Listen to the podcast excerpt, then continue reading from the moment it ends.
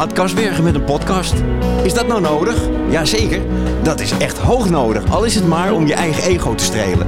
Dus hoogste tijd voor Podcastbergen met leuke podgasten. Wend hem eraan. Jullie kunnen me haten, achter mijn rug om praten. Ik ben wie ik ben. Blijf toch wel staan, ja wend er maar aan. Want ik ben wie ik ben. Ze haten op jou en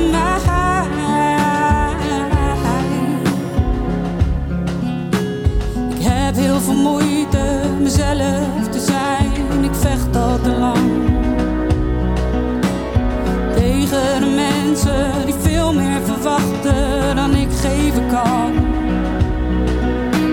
Ze praten over jou en mij en denken te weten wie we zijn. Het doet me niets. Ik heb een masker opgezet, zo ga zodat niemand mij kent. Ik heb de moed opgegeven.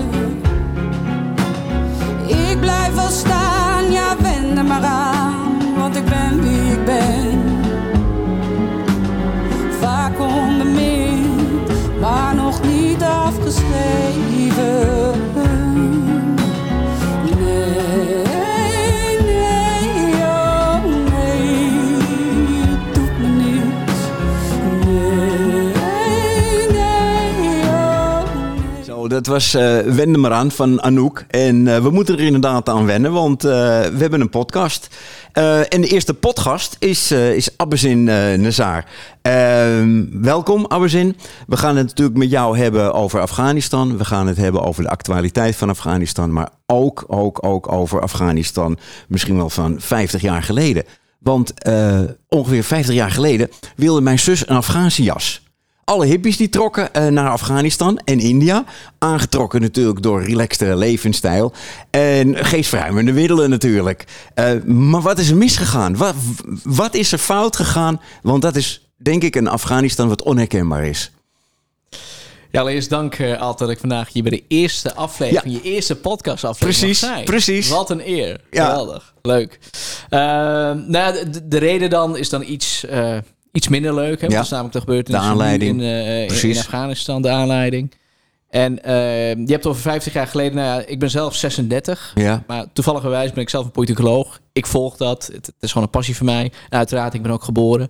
Uh, nou ja, je moet je voorstellen, Afghanistan was in die tijd, 50 jaar geleden, waar, waar je het over hebt met je zus.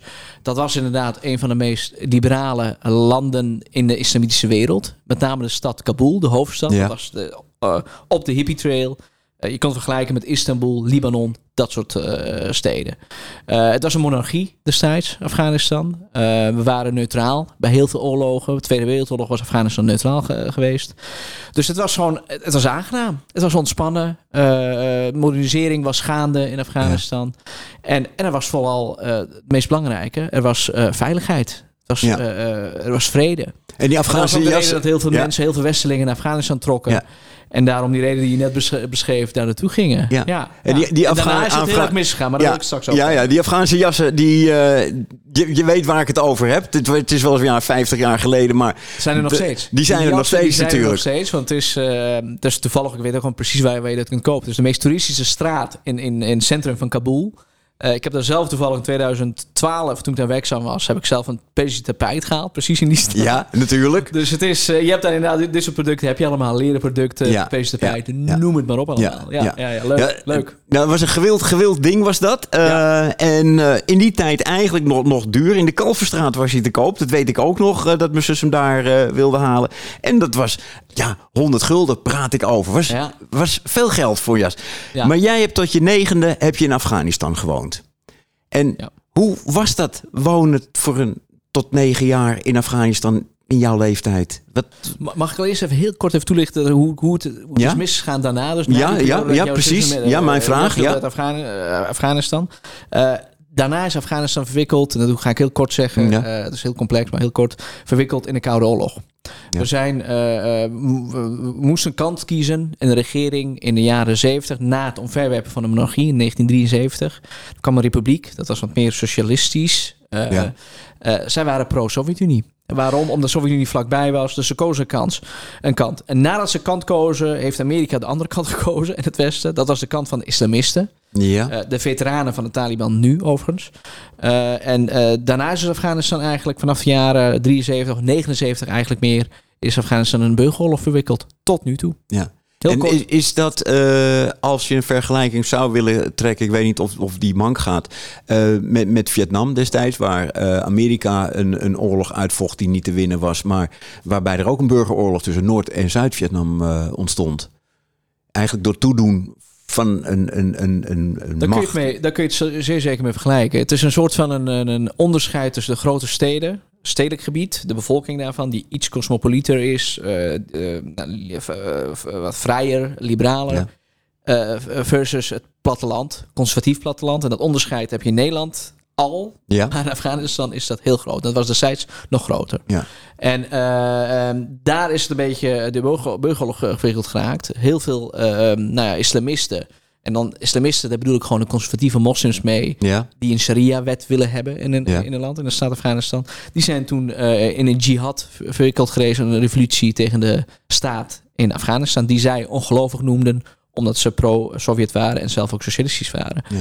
Daarmee is het eh, misgegaan. En je kunt het zeker vergelijken met Vietnam. Sterker nog, de Amerikaanse regering die had toen ook aangegeven na het Vietnam van de Amerikanen, hadden ze gezegd van nou, wij willen Afghanistan, de nieuwe Vietnam, voor de Sovjet-Unie maken. ja.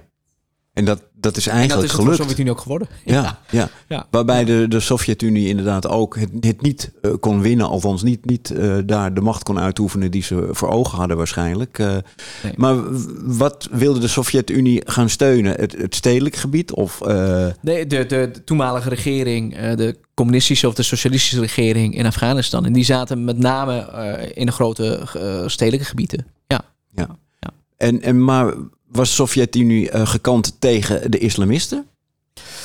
Nou ja, eh, Of kan je dat zo niet noemen? Niet Ze- zozeer niet vanwege het feit dat ze, dat, dat ze islamisten waren. Eh, je weet natuurlijk dat, dat de Sovjet-Unie had het niet zo met geloof. In algemene zin. Nee. Of het nou Ja. christelijk is Mhm. of wat dan ook. Hè. Dus er werd, er werd wel eens gezegd, geloof is opium van het volk. Dat gold dus ook in Afghanistan. Dus het, het, het punt was dat de islamisten gewoon het socialistisch pro-Sovjet-regime wilden omverwerpen. En dat wilde eh Sovjet-Unie natuurlijk niet, want die eh, zag de bui al hangen. Er zou vervolgens zo'n pro-Amerika of pro-Westen regering de macht vlakbij. komen. Vlakbij, want dat was Ja. gewoon onze eh noorderbuur. Dus voor, Ja, voor ja. Sovjet-Unie waren wij de zuiderbuur. Eh, met alle invloed ook op die re- re- republieken die je hebt. De Stalin-republiek, So- Sovjet-republieken. Dus, dus dat wilden ze niet. Ze wilden niet in de achtertuin een pro-Amerika Nee. regering hebben. Nee, Het, het, het maakt ze natuurlijk niet uit om mensenrechten en dergelijke. Dat, dat, daar ging het niet om. daar ging het helemaal niet om. eh, En daar is het eigenlijk heel veel jaren, afgelopen jaren ook niet echt om gegaan. nee, om eerlijk te zijn. Nee, nee, nee. En eh, als, je dat eh, dan doortrekt naar eh, de tijd van nu, wij, wij zullen het daar straks nog uitgebreid over hebben. Ehm, het staat nu ja, echt middelpunt van de belangstelling. Hè. Je, je kan geen krant openslaan, je kan geen programma zien of het gaat over Afghanistan. Eh, waarbij jij natuurlijk ook stevig eh, je mening, eh, onder andere ook op Facebook, hebt laten horen. En ook nu over de opvang van eh 1600 eh, Afghaanse vluchtelingen die eraan komen. Of er al zijn. Op dit moment er al zijn, ja. Ja. de 16. En, en daar moet ruimte voor worden gevonden. Ja. Onder andere in Flevoland. Dat vind, vind ik wel. Dat vinden ook heel veel andere politieke partijen van eh, de Provinciale Staten van Flevoland. Die vinden dat. Eh, en dat vinden wij omdat we denken dat het eh, on- onze morele plicht is... Ja. eigenlijk naar die Afghanen toe... die voor hun eigen leven gevlucht zijn. Ja. voor hun eigen veiligheid vanuit Afghanistan Nederland. Dit zijn mensen, hè, laten we dat niet vergeten... Mhm. die ons hebben gesteund. Of Ja. nou de militairen waren. Ja, ontwikkelingswerkers waren zoals ik in, in 2013 en heel veel anderen. Dus we zijn het aan ons zelf eigenlijk verplicht om deze mensen te helpen. Want ik kan je echt vertellen, deze mensen worden echt vermoord en Ja. of vervolgd Ja. als ze blijven in Afghanistan. En dan vind ik ook dat wij als eh, provincie Flevoland natuurlijk daar een taak in hebben met alle ruimte die we hebben. Want laten we eerlijk Ja. wezen, die ruimte hebben we hier in Flevoland. ja en, en als je het vergelijkt met andere provincies, hebben andere provincies al wel daar eh, beleid op gemaakt?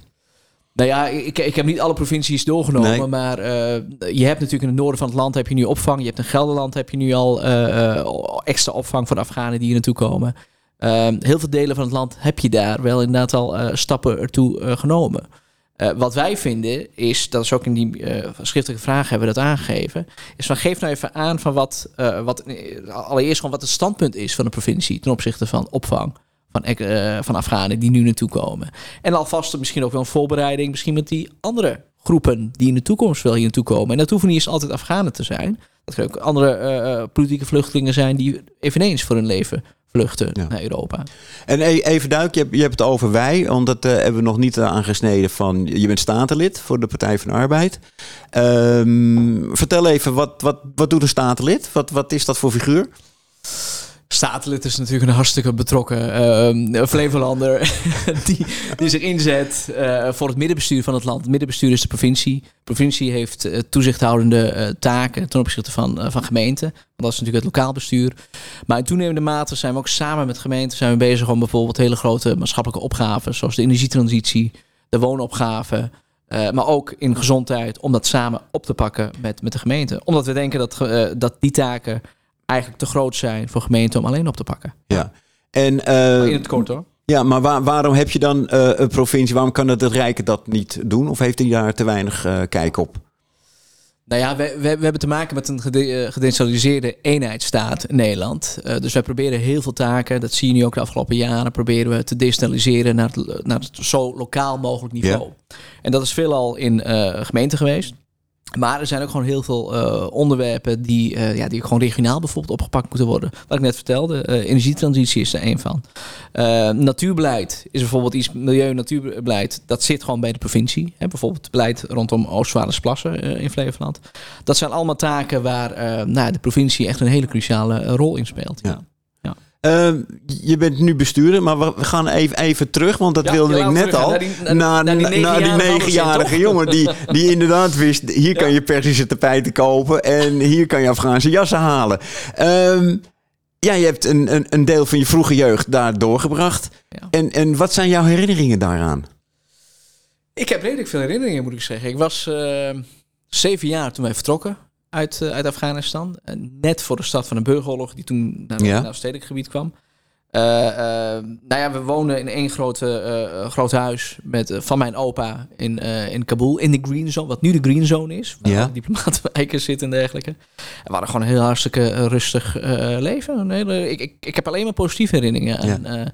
En, voor het voorstellingsvermogen hè, van mensen. eh, ik heb begrepen, eh, Kabul is nu een stad voor 6 miljoen mensen. Ja. Dan, dan, dan heb je het over een, een metropool, gigantisch. Ja. Wat, wat, wat wij in Nederland eh, niet hebben. Maar dan ga je richting steden al, als Berlijn, Parijs. Inderdaad, in, in dat soort orde van grootte. Was, was dat in jouw vroege jeugd ook al zo? Nee, of was het, nee, is- nee, zeker niet. Nee, dat was een. ik zal je even vertellen. de, de tellingen lopen uiteen van 250.000 tot 300.000 inwoners. Ja, een groot Almere. Een groot Almere was het Ja, eigenlijk. En eh, ik, ik zal het even ook toelichten. Kabul ligt eh, in, een, in een vallei. Ja. En, en zoals heel veel andere steden eh, in Afghanistan. Eh, dus wat je nu hebt, is dat die stad vreselijk is uitgedijd naar de heuvels of naar de bergen. Men, men bouwt echt tot aan de bergwanden. Eh, eh, dat was destijds niet. Het was gewoon, de, de straten waren leeg. Het was eh, heerlijk weer. Want het, het is eigenlijk heel hoog gelegen, ondanks het feit dat het vallei ligt. Het ligt nog 2000 meter hoogte. Ja. Dus heerlijk weer, landklimaat, land-bergklimaat heeft de stad Kabul. En ja, ik kan me de momenten herinneren dat ik gewoon op een fiets zat, op een grote brede weg, zo'n boulevardweg, zonder bijna auto's. En niet Ja. dat mensen geen auto's hadden, maar er waren gewoon heel, veel, heel weinig inwoners. Ja. Ja, en je, je ging daar naar school. Iedereen ging Ja. naar school. Eh. Jongens en meisjes. eh, wat Samen. nu ook een punt is eh, van... Oké, kunnen de meisjes nog wel onderwijs krijgen? Maar dat was toen de normaalste zaak van de wereld. Ja. Ehm, klopt het dat, dat jouw grootvader een vervoersbedrijf had? Eh, net niet. Nee, mijn, eh, mijn gro- grootvader was, eh, zat in vastgoed. Hij Oh, was die een zat in vastgoed. vastgoedondernemer. En Ja. dat deed hij vrij goed overigens. Dus wat, wat dat betreft hadden wij gewoon in materiële zin hadden wij een goed leven. De rest van mijn familie waren wel politiek betrokken. Die, zaten, die waren onderdeel van de socialistische Ja. partij. vanaf het begin al, decennia lang. En het grappige is dat mijn moeders familie juist wat meer voor de islamisten was. Die waren pro-koning en wat meer Ja. Islamistisch, maar dan wel gematigd. Ehm, en wij, ik ging naar de kinder, wat is het, een, eh, een opvang, een eh, kinder, kinderschool, eh, waar we gewoon samen met meisjes, jongens Ja. meisjes samen zaten. Ja. Daarna ging ik naar, de, naar school. Dat was ook gewoon samen. Dat was gewoon, dat, dat, dat was een Duits-Afghaanse school waar ik naartoe ging. allemaal Wa- gewoon wa- zoals het hier is. Waarom Duits-Afghaans? Ja, dat is wel interessant. Je had in Afghanistan had je bijvoorbeeld eh, de Fransen. Die hadden hun eigen scholen onder hun eigen invloedssfeer. Culturele invloedssfeer die ze daar hadden opgericht in Afghanistan. In middensteden. Duitsers deden hetzelfde. De Britten deden hetzelfde. Het was een soort van een culturele expansiedrift van heel veel Ja. van dit soort landen. Allemaal goed bedoeld hoor. Het is niet Ja. dat het... eh, Maar, maar Afghanistan is nooit echt een kolonie geweest van, eh, ook niet van de Britten. Die hadden wel veel invloed, maar Wij, wij zijn 15 jaar in totaal bezet geweest door de, eh, door de Britten. 15 jaar. Begin van de 20e eeuw tot 1919. Ja, ja. Ja, en Dus- de- vervolgens hebben we, daarvoor hadden we een Anglo-Afghaanse oorlog gehad en daarna nog twee Anglo-Afghaanse oorlogen, waaronder dus de laatste onafhankelijkheidsstrijd. Ja. Afghanistan werd in 2021 eh, onafhankelijk. Ja, en Afghanistan al, als land eh, eh, was dat altijd opgedeeld in, in bepaalde ja, eenheden van, van, van, van heersers die een bepaald gebied hadden? Of was er altijd al een centraal gezag? Ik, ik ga het een beetje plat slaan. Afghanistan kun je vergelijken met een soort van Zwitserland Ja, qua, qua structuur van de bevolking, sociale structuur. Het zijn allemaal valleien waar mensen in wonen. Dus omgeven door bergen, geïsoleerd. ja, Dus daardoor heb je in Afghanistan eh, heb je een soort van een streekverbondenheid. Dat is vrij sterk. Dus dat federalistisch systeem, decentraal systeem, dat is heel sterk in Afghanistan. En dat kan zijn in het zuidoosten en het oosten bijvoorbeeld met stammenstructuren. ja. Dat zijn de Pashtun-minderheid, of de grootste minderheid is dat dan, zeggen ze in Afghanistan. Die wonen daar vooral. Dan heb je in het noorden en het westen heb je wat meer streekverbondenheid. Dat kan zijn in, in talen, dat men bijvoorbeeld dezelfde taal heeft, maar dat men gewoon een bepaalde locatie is waar men met elkaar zit. Misschien ook wel multi- multicultureel, maar die zich echt verbonden voelen tot die Ja. stad of tot het dorp in een vallei van een berg. Afghanistan bestaat voor 75% eh, uit, uit bergen, berglandschap. En dan, als ik dan weer even terugkom op wat, wat jij zegt, dat, eh, nou ja, dat eh, er was Franse invloed, er was Duitse invloed, Engelse invloed. Eh, dus het was, was toch een belangrijk land voor Europa. Nou ja, het, het, het ligt een beetje, het ligt vrij centraal. Als je kijkt naar Afghanistan, wij liggen tussen de grote mogendheden, de, de, de, de grootmachten altijd. De Sovjet-Unie, je had Perzië vroeger, waren zelf onderdeel Ja. van Perzië. Ehm, eh, Brits-Indië was dan weer aan de andere kant. Dus eh, we zijn altijd op de soort van de route geweest van de zijderoute. Hè? Die de zijderoute Ja, van handel tussen China. Europa Ja. en, en het oosten. Dus we hadden, daarmee hadden wij gewoon een echt een hele centrale rol als land. En het leuke en het mooie daarvan is ook dat we ook gewoon een mozaïek aan culturen en aan etniciteiten zijn geweest. En, en daardoor geworden ook. En dat is niet iets van kolonialisme, hè, zoals bijvoorbeeld heel veel landen in het Midden-Oosten, daar waar gewoon een streep getrokken is naar het westen. Nee, in Afghanistan hebben heel veel volkeren duizenden jaren met elkaar samengewoond en geleefd. En op een vooral vreedzame manier geweest. En de grenzen die, die Afghanistan heeft, dat zijn de eh, natuurlijke grenzen die eh, al door de eeuwen heen. eh, Behalve de westgrens, want dat is een Ja. overeenkomst geweest in eh, eh, 1898, nee, 1893 tussen de Afghaanse koning destijds en de Britten. West-Pakistan, ja, ten oosten van Af- Afghanistan. Dat, is, dat heet de Durand-linie. Dat is voor 100 jaar, een verdrag van 100 jaar, is dat gebied afgestaan aan eh Brits-Indië. Aan toenmalige Brits-Indië. oké. Dat zou dan na 100 jaar weer terug moeten komen naar Ja, Afghanistan. ja, ja, het, ja, eh, ja. het gebied Swat, eh dergelijke. Ja, Maar dat is niet gebeurd. En, en nou ja, men zegt ook wel eens dat dat daar ook wel een van de oorzaken liggen voor het conflict in Afghanistan. ja, ja. Ehm, jij hebt eh, aangegeven voor eh, de vroege jeugd, eh, eh, Brother Louis van Modern Talking. Eh, Ja. Want we volgen jou, jouw leven een beetje eh, met, met ook muziek. Omdat het toch wat, ondanks dat het een naar onderwerp is en een zwaar onderwerp is, Afghanistan nu, dat we toch wat, wat eh, ja, luchtigheid erin willen brengen, maar toch ook wat begrip erin willen brengen. Waarom als, als jonkie Brother Louis van Modern Talking? Op mijn zevende verjaardag in Kabul, Ja? dat is ook verfilmd, we hebben die, ik heb de film daarvan nog. Mijn ouders en hun vrienden, die dansen op dit muziek, op Ja? dit liedje. Ja? Louis Louis eh, van. Modern Talking. Ja. Ik heb daarna uitgezocht wat het was. Ja? En toen ging ik zelf naar de naar de muziek luisteren. dacht Ja. ik, nou verschrikkelijk. Maar, Ja, ja. maar destijds, Het- het- in, in, in, wat is het, in 93 of 92 was dit... eh Was, was, was, was een... eh, was dit een muziek of zo dan of zo? ja, was, was ook wel... Europa of hier. Ja. Wel een, een, een hit volgens mij. maar inderdaad, beetje vreselijk. Eh, toch wel. Ja. Maar nou, we luisteren er kort naar.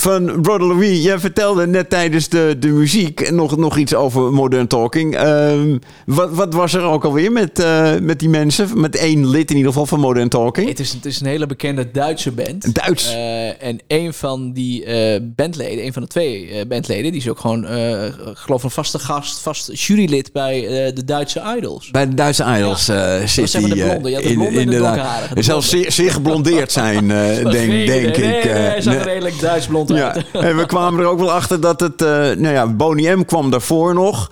En eh, het was, ja, 99 Luftballon zei je, van dat is ook die tijd eh, Dat is- dat een beetje, tijd, ik, van, ja. van Nena.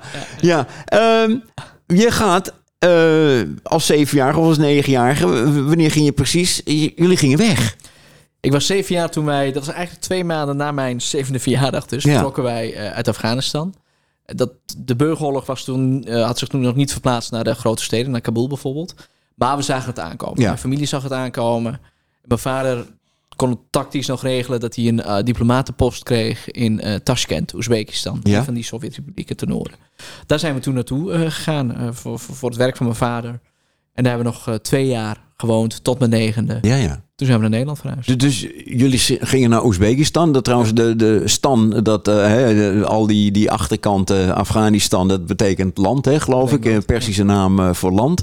Ehm, maar Oezbekistan, daar gingen jullie weg. Waarom gingen jullie dan weg uit Oezbekistan? Nou ja, het grappige is, mijn vader wilde nooit weggaan uit, uit Oezbekistan. Hij zei van, nou, ik zit hier dicht bij mijn land. Hij Ja. zei letterlijk Ja. van, Perzen zijn altijd heel dramatisch, eh, altijd moet je zeggen. Mijn vader zei toen van, ik ruik hier nog de, eh, de geur van, van Afghanistan. Ja. Van mijn land. En hij was Ja. echt vaderlandlievend. Ja, Dus hij zei, ik wil hier blijven. Ja. Alleen mijn oma en de rest van mijn familie, die waren al eerder, een jaar eerder, met z'n allen eh, vanuit Kabul direct via Moskou naar Afghanistan gekomen, of naar Nederland gekomen. ja. En mijn oma zei letterlijk tegen mijn vader van... als jij niet naar Nederland komt, kom ik naar Oezbekistan. Oh, Ja, ze, eh, hij- ze stelde hem gewoon een ultimatum. Ja. En eh, toen dacht mijn vader van, nou ja, het is zover.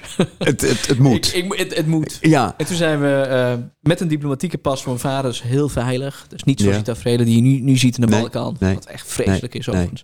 Zijn we hier naartoe gekomen. dus jullie kwa- kwamen in feite op een bevoorrechte manier eh, eh, richting Nederland. Dan kom je in Nederland en dan, dan, dan ben je stom verbaasd. Ja. Denk ik, want ja. ja. is- Nou ja, ik, ik vertelde je al, Kabul zit in een vallei. Dus, dus eh, afgezien van de lampenlichten die je hebt op straat en de huizen, is het niet al te veel verlicht. Dus wij reden op een gegeven moment langs Schiphol. Of Ja. Eindhoven? Nee, Eindhoven was het. Eindhoven zijn jullie geland. Dus ik, ik Ja. zag al die eh, lichten en, en lantaarnpalen als kind. Dat ik dacht van, hey, wat zit het? En dan bleek het gewoon, zou het gewoon de lichtstad zijn dan. Hè? Ja, ja. In Nederland kwam ik dan later Klopt. Eindhoven. Dus daar keek ik me over ja, uit. Ik ja, dacht, oh, zo, wat is die verlicht. Eh, gewoon hele simpele Ja. dingen. Dat als kind Ja. eh, dacht ik van, wat is dit? dan staat dat, nog eh, heel erg bij. Ja. En eh, het, het is natuurlijk een, een, een heel geregeld land. Of, In vergelijking met, met, met Afghanistan, stel ik me voor. En je ging naar school. Maar je spreekt geen Nederlands. Nee, ik, zeker nog. Wij gingen naar, we kwamen in een asielzoekerscentrum hier in Amsterdam Zuidoost. Ja. Aan de A9. Dat is nu een hotel Golden Tulip geworden. Dat was destijds een hotel, maar een hotel is wat veranderd in een asielzoekerscentrum. Daar zaten wij één jaar lang. En eh, nou ja, ik, was, ik bevond mij met heel veel andere kinderen uit bijvoorbeeld Joegoslavië, uit Joegoslavië en andere Ja. vluchtelingenkinderen. En ik ging naar een school, basisschool, in een kraaiennest in Belmer. Ja. Dus het was, ook, ook dat was voor mij heel nieuw. Ja. Ik kwam daar in een omgeving heel multicultureel. Het was echt een, eh, Ja. zoals wij nu zeggen, een zwarte school waar, waar ik terecht kwam. En dat was voor mij ook wennen. Dat had je in Afghanistan, om eerlijk te zijn, bijvoorbeeld ook niet die mate van diversiteit. Het is een heel Nee. divers, eh, divers land, maar zo niet. Dus dat was voor mij ook hartstikke wennen.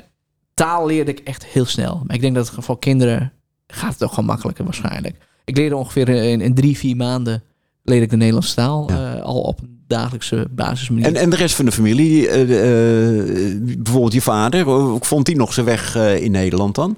Nee. Nee, nee daar, daar kan ik ook gewoon eerlijk over zijn. Eh, mijn vader heeft gewoon, ehm, mijn ouders beide, maar met name mijn vader, een trotse man, eh, Mhm. die uit een vermogende familie kwam, Ja. uit Afghanistan. Ja. Die hier in het asielzoekcentrum in Amsterdam moest doen met een toelage, weektoelage van 20 gulden. Ehm, dat was voor hem eh, eh, wennen, maar hij heeft daar nooit aan kunnen wennen. Nee, nee, nee. Mentaal was dat echt gewoon een hele grote klap voor hem. Daar is hij nooit te boven gekomen, Nee. moet ik zeggen. Hij is in 2013 overleden.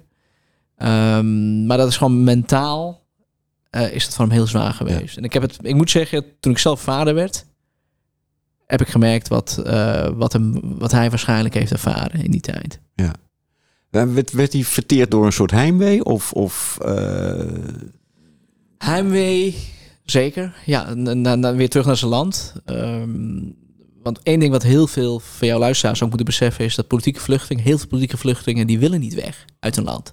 Nee, Die moeten Ja. weg voor hun je eigen gaat, niet leven. zo, je gaat niet zomaar weg. Je gaat niet zomaar weg. Nee. Die willen niet weg. Die willen niet naar Nederland komen, maar die moeten weg. En dat gold ook van mijn vader. Dus hij had altijd had hij heimwee naar zijn functie, naar zijn baan, naar zijn leven daar. Heel veel van onze tegoeden waren bevroren. Van alles. We werden als collaborateurs gezien, omdat wij met de Russen Ja. samen hadden Ja. gevuld. Ehm, dat, dat, dat, ja, dat, dat, dat, een inslag bij hem, mentaal. En ehm, hij voelde zich... eh, hij voelde zich niet zo waardevol hier in Nederland als in Afghanistan. Ja. Voor de maatschappij, voor de samenleving. Dus, dus in, in feite dubbel, je voelt je niet gewaardeerd, maar je, je, je, bent dan ook eigenlijk, nou, zoals jij dat, eh, een collaborateur en eh, eigenlijk een soort, soort NSB'er, eh, was je in, in de ogen misschien weer van andere Afghanen. Die, die dan weer denken van, ja, maar wij zijn de echte Afghanen of zo.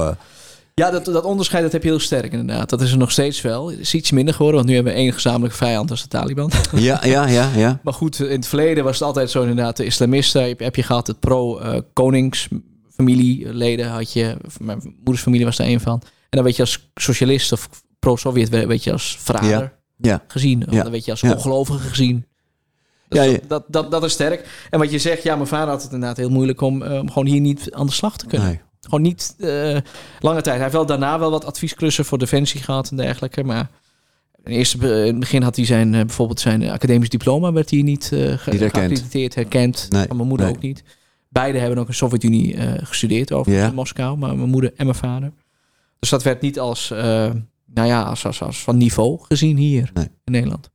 Moeilijk. En eh, puberteit komt daarna? Ja. En eh, is dat, eh, wa- wa- waar ben je verder opgegroeid? Want in Zuidoost eh, heb je je eerste, eerste school en zo en, en was de opvang. En op een gegeven moment gingen jullie verhuizen, denk ik, toch naar een huis. Hè? Niet meer naar het hotel. jaar, ja, na een jaar mochten we, mochten we weg. Ja. Eh, eh, toen vertrokken we naar Enschede. En waarom Enschede? Mijn vader wilde niet een grote stad zijn kinderen opvoeden. Ja. Dus hij wilde naar een wat rustiger stedelijk gebied. Aan de randen van Nederland. En Enschede, eh, da- daar, ko daar kozen we voor, daar kozen zij voor. Ja. En we waren toen nog met mijn zusje. ehm, ehm, mijn, broertje was net geboren. Die is geboren in het vlucht- vluchtelingenkamp. Ja. En mijn ouders vert- vertrokken naar Enschede. En ik ben opgegroeid in Enschede. Naar school, eh, Ja. dat is naar eh, middelbare school gegaan. En, Alles- en in Enschede een, een lekkere jeugd gehad? Heerlijk. Heerlijk. Heerlijk, ja. Het- ik, heb, ik heb enorm genoten van het, van het Tukkers, Tukkers Enschede. Tot mijn achttiende daar gewoond. Ja. Eh, heerlijk. Ik, eh, ik, ik kan me herinneren dat onze uitstapjes naar Duitsland. Gewoon, het Ja. Twee kilometer. Ja. Dan zat je in Gronau of wat. Ja. ook. Heerlijk. Ja, ik heb een, echt Ja. een heel leuke jeugd Ja. En je hebt, je hebt een nummer uitgezogen, eh, gekozen, Mo Money, Mo Problems. Van eh, Noto- Notorious eh, Big, of Biggie. B.I.G. Eh, B.I.G. Ehm, waarom die? Dat nummer? Ehm, Toch anders dan Modern Talking. Ja, zeker, zeker. Nou, je moet je voorstellen, Ad, ik ben nu 36. In die periode had je, je, had- je, had, je, had- je had de gabbers. Of je Ja. had zeg maar de, de R&B-fans of de rappers. Zeg maar. ja. Ik was van dat, eh, van dat tweede. Dus je moest de kant, kant kiezen. En dit was dan zeg maar wat wij met de wijde broeken dan gingen met elkaar gingen, eh, zingen. Met vrienden, op dansen, noem het maar op allemaal. En, maar dit begint met, met Supremes. Ja, ja Het- het- vond ik- het ja. nummer begint met Diana Ross. Ja. En dan eh, komt eh, Notorious B.I.G. Die komt eh, er later in. We gaan even luisteren naar jeugdherinnering van eh Abbasin. Now, who's hot, who not? Tell me who who sell out in the stores. You tell me who flop, who cop the blue drop, who jewels got blocks, who's mostly Dolce down to the two top. The same old pimp, mace, you know ain't nothing changed but my limp. Can't stop till I see my name on the blimp. Guarantee a million sales, pull a level up. You don't believe in Harlem World, nigga, double up.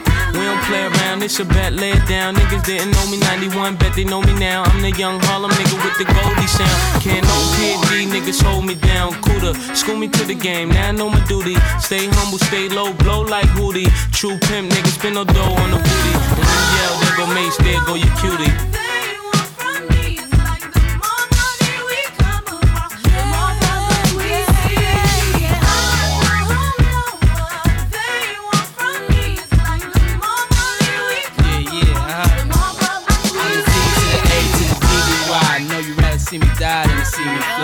Call all the shots, rip all the spots, rock all the rocks, cop all the drops. I know you're thinking now when all the ball is stopped. Nigga never home, gotta call me on the yacht. Ten years from now, we'll still be on top. Yo, I thought I told you that we won't stop. Now what you gonna do with a crew that got money much longer than yours? And a team much stronger than yours. Violate me, this a BO day. We don't play, mess around, be DOA. Be on your cause it ain't enough time here. Ain't enough lime here for you to shine here. Deal with many women, but treat down's fair. And I'm bigger than the city lights down in Times Square. Yeah, yeah, yeah.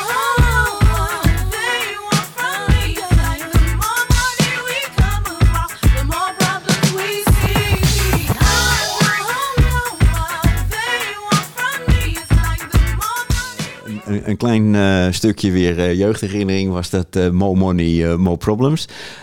Over de tijd inderdaad, nou, de puberteit tot 18 jaar zeg jij. Overigens is je- dat laatste ook zo waar. Hè? Dus zoals de titel van het liedje. Ja, More money, more more, money, more more- problems. Ja, ja, in- in- inderdaad, Als ik denk hè. aan die jaren, denk je van, wat, wat is er? Wat, wat waren je grootste zorgen? Ja, ja een zorg, zorgeloze puberteit dus eigenlijk. Ja, eigenlijk wel, ja. En, Ja. en ook- ondanks dat ik wel wat meekreeg, en dat zeg ik nogmaals, van de, eh, van de, van de strijd van mijn vader. Ja. Eh, eh, er is, mentaal ja, er is, er is toch thuis een last.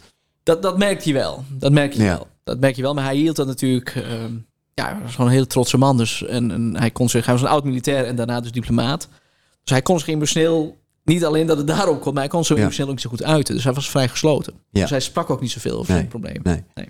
En, en eh, als je dat ziet, is dat eh, iets Afghaans? Of is het echt je vader? Of eh, dat die nou ja, het meer oppot dan eh, naar buiten laat gaan, laat komen?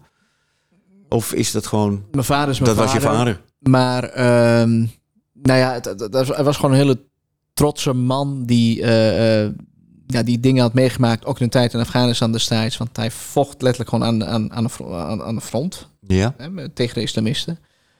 Dus waarschijnlijk had hij, denk ik, ook gewoon heel veel met, met trauma's en dergelijke kant hij mee. Maar, Ja. daar, maar daar was hij nooit natuurlijk open over. En Nee, ik denk, nee. ik zie dat soms ook wel bij militairen hier in Nederland, vrienden van mij, veteranen, die dat uiteraard ook wel Ja. mate van PTS of wat dan ook hebben. Ja, zeer zeker. Want je, je maakt natuurlijk wat mee. Je zit in, in, in een burgeroorlog. Dat, dat is natuurlijk van de gekken. Hè? Ja. Vaak eh, Ja. juist burgeroorlogen. Het is natuurlijk vreselijk. En wij merkten niks in de grote stad, maar Nee. hij was, zij gingen, en daar had hij voor gekozen. Dus zij gingen echt naar de front om daar eh, eh, te vechten tegen, tegen die groep. Ja.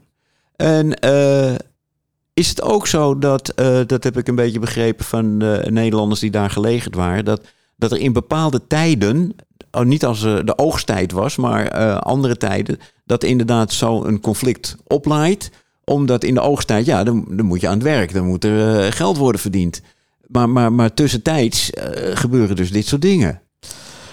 Ja, dat je bijna een- seizoensgebonden burgeroorlog Bijna hebt. wel. Je, bijna wel. Je hebt in de, ehm, in de, in de lente, ze noemen niets voor niets, hebben ze telkens over een lenteoffensief. Als je ook de berichtgeving over Ja. eh, het de, de, zeg maar de, de oorlog in Afghanistan hoort, dan heb je dat heel vaak. Ja, dan, dan hebben ze alle tijd. Het weer is goed. Eh, Ja. Afghanistan, zoals ik al zei, het heeft een berg-landklimaat. Het Mhm. kan heel koud zijn, het kan heel erg sneeuwen. Bergplassen eh, raken, raken dicht Ja. door sneeuw. Dus dan wordt er gewoon sowieso... In de winter wordt amper gevochten. Ja, is geen, is geen, geen, oorlogstijd. Nee, Wintertijd, geen oorlogstijd. Eh, lente begint het. Ja. En in de zomer, of eh, wat later in de zomer, wanneer je je oogsttijd hebt, Ja, dan houdt het ook op. dan zakt het weer wat en er af. zijn zelfs nog verhalen, dat heb ik toen ik zelf werkzaam was in Afghanistan, hoorde ik dat. Dat zelfs al mensen waarvan bekend was dat die Taliban waren. En mensen die voor een regering vochten, bij de overheid zaten, gewoon hand in hand samen Ja, ja. producten of gewassen gingen oogsten. Ja. En daarna in de lente weer. En, en daarna barst het weer los. Ja. Ja, dat, dat, Dat is, is het on- on- ongelooflijk. Ja. Maar eh, jij gaat met, met je 18 uit Enschede weg. Ja. Je gaat naar Leiden. Ja, Studeren? naar Leiden. Studeren. Wat, wat ging je studeren? Ik, eh, nou ja, dat zal je niet staan. Ik zat in zo'n politieke omgeving. Dus ik had altijd iets met politicologie. eh, met die opleiding. En Leiden vond ik, vond ik gewoon historisch natuurlijk een geweldig mooie stad. Eh, De oudste universiteit van Nederland ook. En dat greep me wel aan. Dus ik heb gekozen om politicologie te gaan doen in, eh, in Leiden. Eh internationale betrekkingenkant heb ik eh, daarvan gekozen. En nog, om toch het zekerheid te hebben dat ik nog een baan kreeg daarna, na die opleiding, heb Ja. ik nog een minor management gestudeerd. Ja, ja. Dat, dat, dat heeft ook een baan opgeleverd, het management. Nou ja, dat, nou, ik, ik moet zeggen, eh, politicologie, internationale betrekkingen, heeft no- eerder een baan opgeleverd dan management. Want ik ging namelijk in ontwikkelingssamenwerking zitten, internationaal, in Centraal-Azië, in Afghanistan. Eigenlijk al tijdens mijn studie en na mijn studie gelijk. Dus dat even ja, jij, bent eh, in Azië, ben je, ben je weer gaan werken? Ja. Ja. En hoe, hoe lang heb je daar gewerkt en wat, wat voor werk eh, kon je doen? Drieënhalf jaar heb ik daar eh, gezeten. Ik zat als expat, als internationale werker binnen ontwikkelingssamenwerking. Ja. Dan met name dat culturele veld. Ja? Waren dus En in, in, in welk gebied was dat dan? Eh, Centraal-Azië, dan moet je denken aan Tajikistan, Oezbekistan, Afghanistan. Ja. Ja, ja, ja. En we werken daar in de culturele sector. Het helpen van eh, muziek, eh, onderwijs in die landen. Ja. Ja. En een, een, een, een nummer wat jij daar van, van die tijd hebt opgegeven, dat is Wat's gebeurd van de jeugd van tegenwoordig. Van de stu- studententijd. Ja, studententijd. Ja, ja. En, en, en, en waarom Wat's gebeurd? Eh, Ja, dit is gewoon een heerlijk dansnummer. Is- is- eh, dit is een heerlijk dansnummer. dat Ik- staat echt, echt, echt, voor, die, echt voor die tijd is dat... Eh, zo deed ik dat wel. Ik was wel iemand die, eh, nou, die studeerde, maar ik genoot ook wel van, van mijn stu- studententijd. Ik, Ja. eh, feestjes, lid van eh, besturen van verenigingen, noem het maar op allemaal. En dit is zo'n liedje waarop we dan inderdaad heerlijk eh uit ons bol kunnen gaan met een glaasje bier. Oké, we luisteren naar eh, een stuk van Wat's gebeurd. Jeugd van tegenwoordig. Een MC met crown, maar je weet niet wat is nieuw, wat is nieuw, wat is nieuw. Je bent een shambek zonder klauw en je bent niet bout it, bout, bout it, bout, bout it, bout. Wat er, wat er, wat Wat met jou? Kanker, kanker, je staat bezig. Serieus gek, wat praat je met mij, man? Kanker.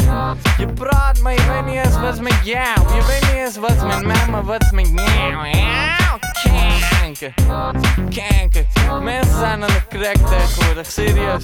Ik liep laatst door het centraal. Komt een junkie naar me toe voor een euro. Euro? Kanker, euro. Zeg, hier heb je 20 cent. Zegt hij, nee, hoef je niet. Dus ik zeg, ja, ja, ja. Ik ken jou, ik ken jou, ik ken jou. Je komt aan moeder. Oh ja, kom maar nu, hoe weet je dat, hoe weet je dat? Zeg ik, ja, ik ken je moeder. Ik heb nog krantenwijk voor de bezorgd. Zeg, oh, mijn moeder, mijn moeder. Ik heb er al 25 jaar niet gezien. Ik zeg, fuck jou, man. Ik verkoop een cracks door mijn slet. Kank, kanker, kanker junkies op centraal. Serieus, enige vette plek van centraal is een fucking pizza hut. En, eh, en, en, en, en een meeting. Kanker, zdaj. Ide k pa, central sem bas, pica Freddy sem bas, Backstain sem bas, Heinz Rocker sem bas, what's up, Bert?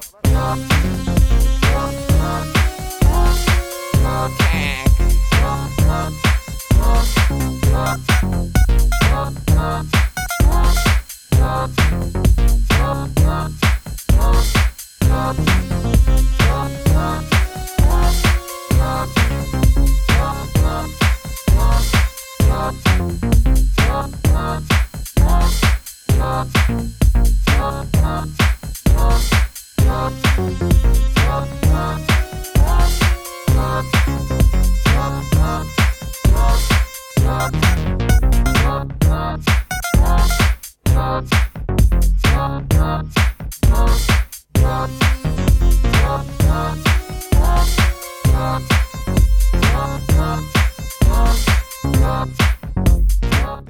jeugd van tegenwoordig eh, eventjes weg, want we gaan eh, naar eh, andere mensen van tegenwoordig, eh, wat oudere mensen, niet de jeugd meer.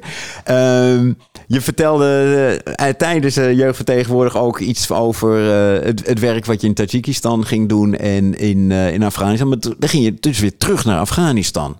Ja. Kon dat? Eh, eh, was dat makkelijk in die Nou ja, periode? Ondertussen was er een, eh, een, een ander regime eh, aan de macht gekomen, natuurlijk in 2001 na het uiteenvallen eh, van, van de Taliban. Dus het was, je had internationale macht had je daar, de Amerikanen had je, dus ik waande me iets veiliger om daar weer terug Ja. te gaan. Ja, ja zeker. Ja, het, het stond onder, ja, min of meer onder toezicht van, van Amerikanen. internationale. En, en ja. dus was het weer wat veiliger. Ja. Ehm, was het ook zo bij eh na komst van de Amerikanen dat het eh, liberaler werd en, en dat mensen weer, nou, eh, de meisjes weer naar school, in feite in onze ogen dat het Ja. genormaliseerd werd? Ja. Nou ja, zeker. zeker. Ehm, je moet je voorstellen, Ad, dat wat wij meegemaakt hebben, of wat wij Afghanen in Afghanistan hebben meegemaakt in 96 tot 2001 met de Taliban, dat dat gewoon een, een, een, een trauma was. Dat is zoiets wat heel veel mensen denken dat het iets gewoons is voor eh, nee, Afghanistan. Afghanistan is altijd een conservatief land geweest, maar dat is dus niet waar. Het stedelijk gebied wat ik je net vertelde, had het vooral eh, had het nooit meegemaakt Nee. dit soort ehm, schendingen van mensenrechten, eh, zoals bijvoorbeeld niet toestaan van muziek, cultureel erfgoed afschieten omdat het pre-islamitisch is en afgoderij, vrede, vrede van afgoderij zijn. Vrouwen niet mogen werken, vrouwen niet naar school, meisjes niet naar school, vrouwen niet studeren. Dat is iets wat Afghanistan nooit heeft gekend, afgezien van hele oerconservatieve pockets in, eh, op het platteland in het zuidoosten en oosten.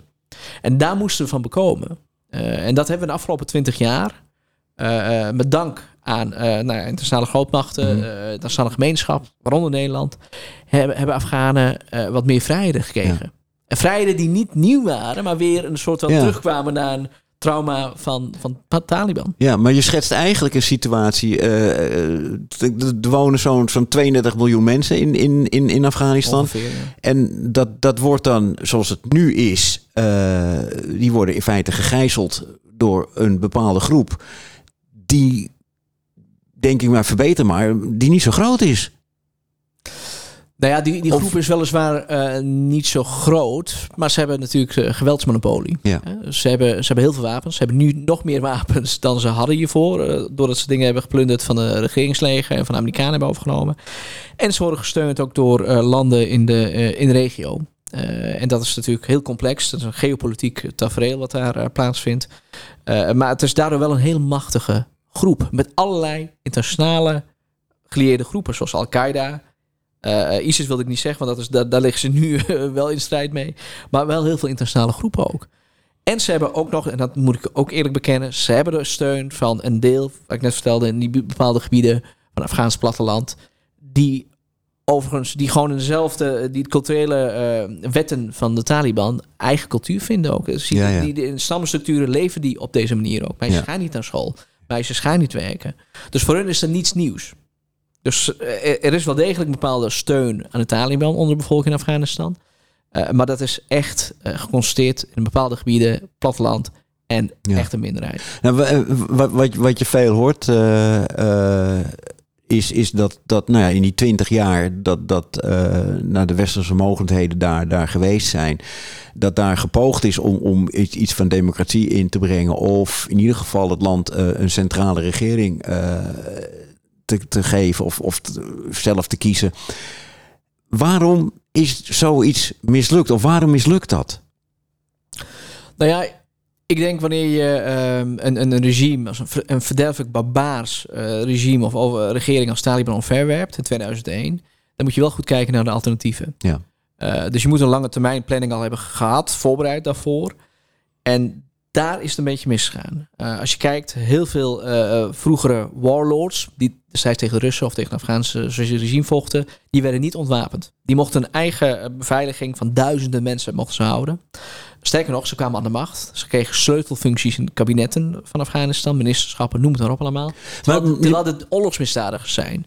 Dus er Ja. is een bepaalde manier van, ehm, nou ja, onrechtvaardigheid ontstaan binnen de Afghaanse maatschappij. Daardoor ook corruptie. Want deze mensen die gingen Ja. hun eh, dus, eh, andere posities weer hun neefjes en nichtjes eh, geven. En daar is heel weinig toezicht op geweest vanuit de internationale gemeenschap. We hebben ons te veel gericht op het bevechten van Al-Qaeda met allerlei drone attacks en allerlei andere missies. En niet gekeken naar hoe je een, een rechtvaardige maatschappij of een, eh, zeg maar, eh, zeg maar een, eh, een rechtsstaat Ja. kunt bouwen in, in Afghanistan. En dat is eigenlijk toen al eh, misgegaan. Waar waren de mensen... Kijk, ik denk dat de mensen in de stad er wel klaar voor waren... om, om zoiets op te bouwen. Maar het platteland waarschijnlijk niet. Want dat, dat verschil blijft natuurlijk gigantisch. Wat je schetst. Dat klopt. Eh, en, en daarom zaten ook bijvoorbeeld de, eh, de Nederlanders, heel veel andere eh, internationale eh, eh, machten, die zaten, zoals de Engelsen bijvoorbeeld in Helmand, naburige provincie Roeskant, die zaten vooral ook in het platteland. Die probeerden ook met allerlei projecten, scholen en dergelijke op te richten. Alleen het punt was, ook daarbij kwam, dat je, je moest dan lange termijn moest je nadenken. Van stel dat je gaat een keer weg, daar in Oeruzgan, Mhm. je gaat een keer weg in Helmand of in Kandahar. Ja, er moet opvolging zijn. Je moet ook kijken naar training bijvoorbeeld van, eh, eh, van, van, eh, van overheden. Van Afghaanse overheden, de bureaucratie, de ambtenarij. Die dat goed kunnen overnemen van jezelf in, in, in die landen.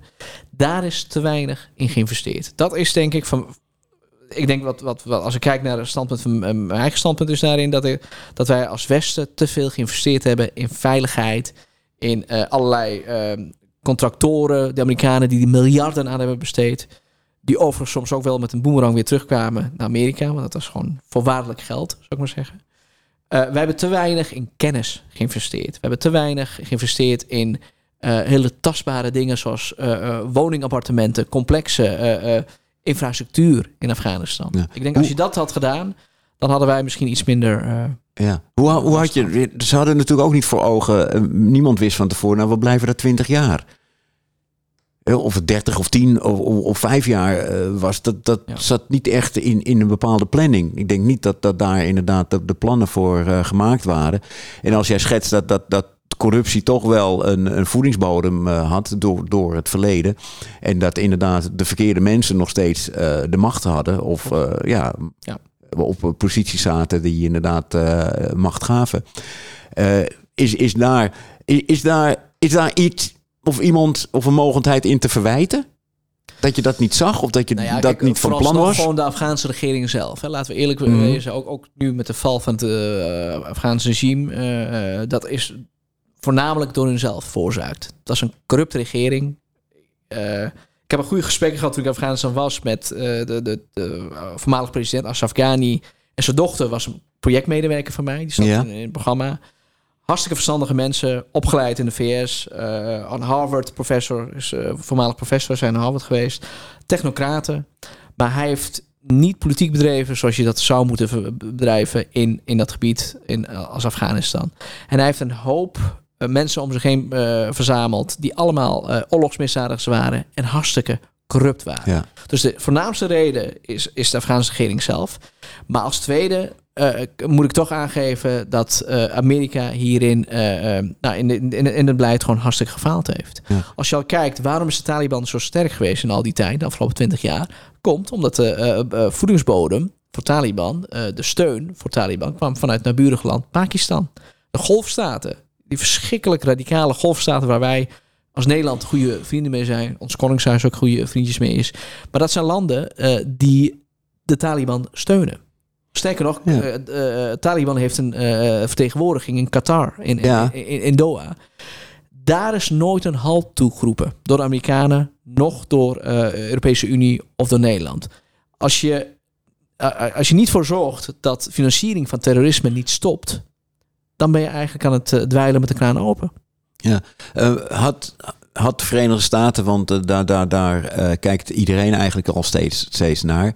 eh, had de Verenigde Staten daarin dan wat kunnen doen? Maar is dat niet nog meer bemoeienis, nog dieper erin gaan, bijvoorbeeld in die golfstaten, om die in feite de les te lezen? Dit mogen jullie niet doen. Ja, wie ben je als Nou ja, Verenigde Staten kijk, om dat, die rol te nemen. La, la- laat ik zeggen, het is- er zijn een hoop onderzoeken bekend eh, eh, van de allerlei instituten, deskundigen die gewoon al eh, boven water krijgen, in, in kaart eh, brengen van wat die steun is. Hoeveel, hoeveel miljarden of hoeveel miljoenen naar Taliban gaat vanuit deze landen. Ga dat, maak dat transparant. Maak dat transparant als Amerika of EU zijnde. Laat zien. Ga shamen. Ga deze landen ook gewoon terecht aanwijzen van je bent dit aan het doen. En dat is gewoon hartstikke verkeerd. En dat doet niet aan het internationaal recht. Noem het maar op. Dat is de eerste stap. Dat is al niet, gewe- dat is al niet gebeurd. En het is niet de les lezen. Het is laten zien aan deze landen van eh, wanneer ze dat doen. Het gaat met de boemerang komt weer terug. Dat radicalisme in, in Pakistan zal op termijn ook weer toenemen. Omdat de Taliban nu in het buurland aan de macht is gekomen. Ik denk dat dat, eh, eh, als je kijkt wat dieper eh, in de afgelopen twintig jaar, dan had dit anders eh, moeten zijn geweest, vind ik. Hadden wij als Europese Unie ook iets in kunnen betekenen als we een goed buitenlands beleid hadden. Eh, en daarnaast denk ik ook gewoon wat je afgelopen anderhalf jaar hebt gezien in Afghanistan met die vredesconferentie met, met de Taliban. Ja, dat is, dat, dat is van, de ene fout tot de andere fout werd daarin herhaald. En eigenlijk was het iets wat gewoon alleen voor de Amerikanen bestemd was. De Amerikanen die wilden gewoon snel mogelijk een aftocht beginnen. En gingen een vredesproces aan met de Taliban zonder voorwaarden. En die voorwaarden werden ook nooit nageleefd door Taliban. Maar er werd niets op gedaan. En we zijn met Biden is dat doorgezet en zijn we gewoon vertrokken uit Afghanistan. Ja. En ik vind, hebben wij de Afghanen in de steek gelaten. Ehm, hadden ze gewoon langer moeten blijven? Eh, ik, kijk, ehm, laat ik al eerst zeggen, eh Altjet, Amerikanen zitten ongeveer, eh, wat is het, rond de 90, 95 landen in de wereld hebben zij een permanente basis, militaire basis. Duitsland is er één van. Noord-Korea, eh, of tussen Noord-Korea en Zuid-Korea is er bijvoorbeeld één van. Het feit dat er een permanente troepenmacht van 5000, 4000 ge- eh, gelegerd wordt in Afghanistan, dat is niet zo'n gek idee. Maar goed, laten we zeggen, als het die bedoeling is dat de Amerikanen daar voor eeuwig blijven, had dan wel op zijn minst dat vredesproces zo moeten insteken met de Taliban. Dat, dat je zegt van we gaan geen deadline eh, neerleggen daar. Dat we het voor die tijd. Of eh, dat we eh, voor die tijd alles ook, klaar moeten hebben. Dat daarna, daarna weggaan. Ja. Maar was gewoon. Had geen deadline gesteld. Was tot een vredesakkoord gekomen tussen de Afghaanse reg- regering. Toenmalige regering. Met de Taliban. En vervolgens kon je vertrekken. Ja, dat, dat, dat je zegt van... deskundigen hebben dit aangegeven. Ja. En dit kon. Dit konden ze doen. En dan hadden we die blamage, die catastrofe die we nu meemaken. Hadden we niet gehad. Dus dat onder een, een, een, paraplu van de Verenigde Staten, zeg maar, Taliban en, en de regering van Afghanistan, eh, zich konden bewijzen dat, dat er inderdaad een, een, eh, nou, een land wordt opgebouwd met een goede regering, met inderdaad eh, de goede vrijheden voor nou, alle inwoners. Dat er een inclusieve regering wordt gevormd in Afghanistan, bestaande uit Taliban en de, de, de, zeg maar, de, regerings, de regering destijds, Ja. voor, toenmalige regering. En kijk, laten we wel wezen, Afghanistan zal nooit een liberale democratie worden. Die illusie hebben de Afghanen niet. En dat hebben eh, overigens ook niet heel veel eh Westelingen die daar waren. Wij zouden een democratie zijn. Dat hebben we de afgelopen tijd ook bewezen met alle mankementen. Waren verkiezingen gehouden. Verkiezingen gingen in vele gevallen ook wel goed. Eh, dus dat was een hele prille begin in democratisering in Afghanistan. Dat is in de afgelopen twee, 20 jaar is dat ook gerealiseerd. Naast het feit dat je een hele vrije eh, media hebt en had in Afghanistan de afgelopen 20 jaar. O- ongeveer 36 eh, tv-zenders, vele tijdschriften, eh, die gewoon ongecensureerd hun werk konden doen. ja. Dat heb je nu als je kijkt van tussen India en Duitsland, heb je dat niet in de wereld. En dat had je wel gewoon Afghanistan in de afgelopen 20 jaar opgebouwd. En, En, en, laat staan de vrijheden voor de vrouwen en alle andere. ja, maar, je, je, gerealiseerd. je, je zei even eerder van, nou, het, het wordt nooit een, een democratisch land. Wat, nou ja, een democratisch liberaal, liberale Ja. democratie Wat- zoals wat wij voor- die kennen hier wat- in Nederland. Ja, wat voor regeringsvorm zou je daar zien? Wat, wat zouden we dan wel kunnen? Nou ja, je hebt in Afghanistan heb je altijd wel eh, een, een sterke partijstructuur gehad. Dus je zou, eh, daar is nu ook men aan het, aan, aan het kijken. dat er gewoon een parlementair systeem wordt opgebouwd. Met een, eh, eh, met een president aan de macht, een staatshoofd. Ja. Daarnaast gewoon een premier. Eh, met politieke partijen, zeg maar, multi, eh, multipolarisme, wat we hier hebben met, met heel veel politieke partijen, had je ook in Afghanistan kunnen opbouwen. Binnen een, een islamitische kader. Ja. Dus het wordt wel een islamitische rechtsstaat. Maar niet eh, de Sharia-variant, eh, islamitische leer die, we- die we van de Taliban Nee, kennen. maar, Dat zou, niet. maar zou Taliban dan een politieke partij zijn, dan in jouw ogen? Dan zou de Taliban een politieke partij zijn daarin. Net zoals heel veel andere partijen. Je hebt de liberalen, je hebt de socialisten, heb je nog steeds wel, die vrij sterk zijn Ja. in Afghanistan. Al deze groepen zouden een eigen politieke partij vormen. Als wij, nogmaals, als wij het vredesproces, en wij, ik zeg wij, Mhm. nadrukkelijk, omdat niet, het niet alleen de VS is. Hè, de Europese Unie moet hierin ook gewoon lef tonen. Wij moeten als onderdeel, als lidstaat van de Europese Unie hier ook lef tonen. Ons veiligheid en buitenlands beleid stelt helemaal niks voor ten opzichte van, eh, van de VS. Daar moeten we ons voor schamen, vind ik. Eh, eh, wij moeten hulp krijgen, letterlijk, om andere landen, hulp krijgen van Amerika om andere landen te helpen. Ja, Dat, dat, dat, ik vind het belachelijk. ja dat, dat, dat is natuurlijk lastig, hè? want je, je legt andere landen eh, je wil op. Of je legt andere landen, eh, ja, ik, ik zei net, eh, die lees je les. Ja, je zegt, ja, het is, het is toch iets, iets, iets anders. Dat is natuurlijk lastig. Het is nu is, is het denk ik chaos. Als je de, de, de beelden ziet. En, en zeker met, eh, met het vliegveld. eh, nou, dat zit nog op het netvlies natuurlijk. eh, Ja. Van wat, wat daar allemaal gebeurt. Ehm, wat, wat bij het vliegveld gebeurde. Is dat exemplarisch voor wat we nog ons te wachten staat? Ik denk het wel, helaas. Ik denk het wel. Dat mensen niet wegkomen? Het- Of geen gelegenheid hebben om weg te meer Dat komen. het een uiting is van de, van de wanhoop die er is bij heel veel mensen in Afghanistan. Ik heb, eh, ik heb contact met oude Ja. collega's van mij, lokale collega's, toen ik werkzaam was bij die internationale organisaties, die bedreigd worden.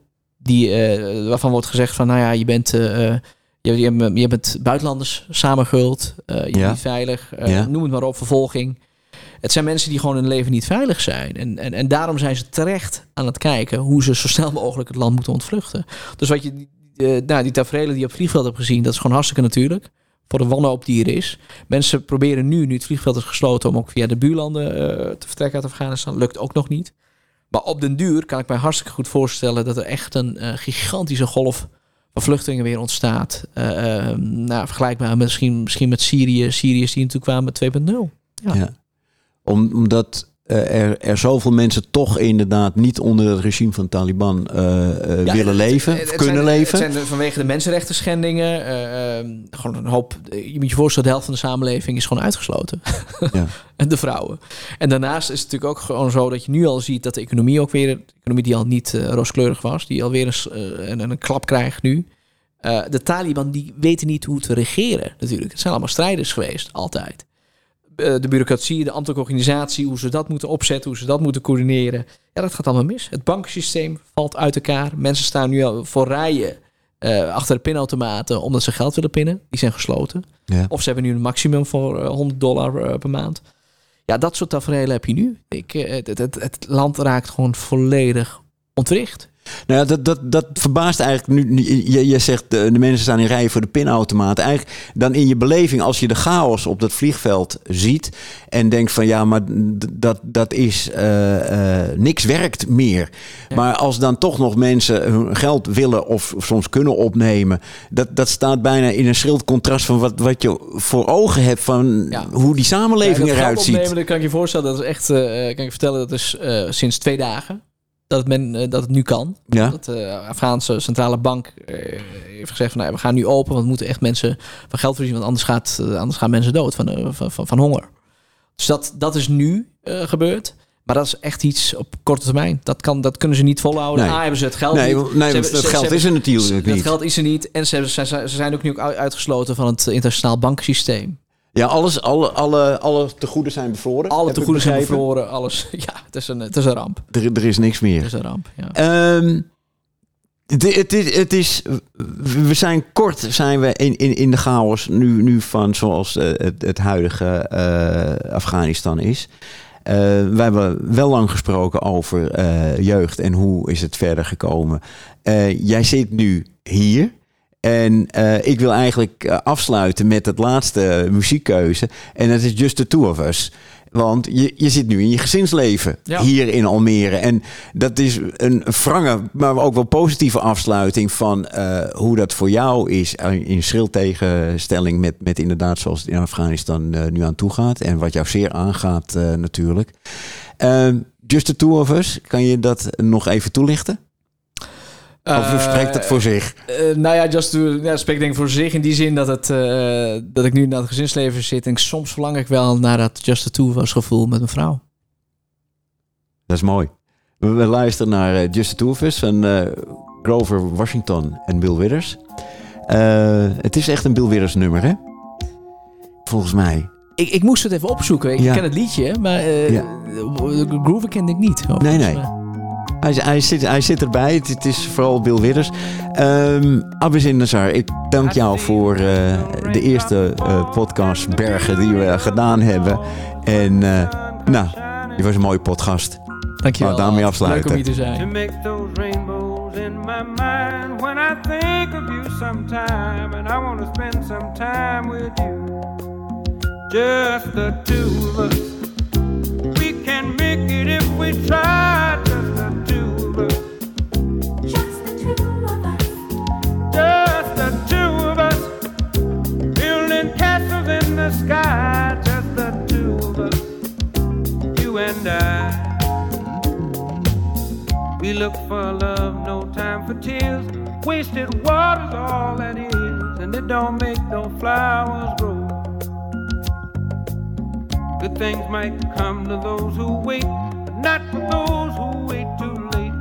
Gotta go for all we know.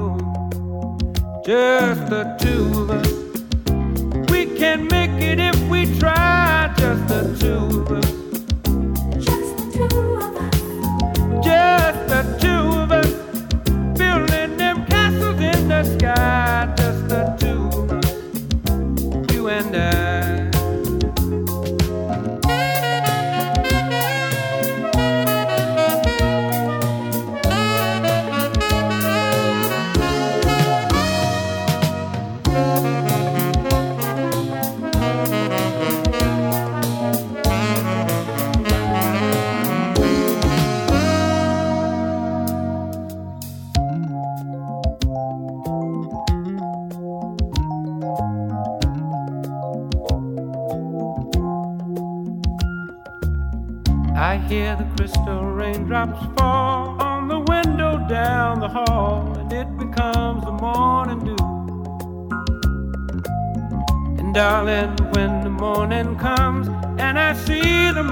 sun,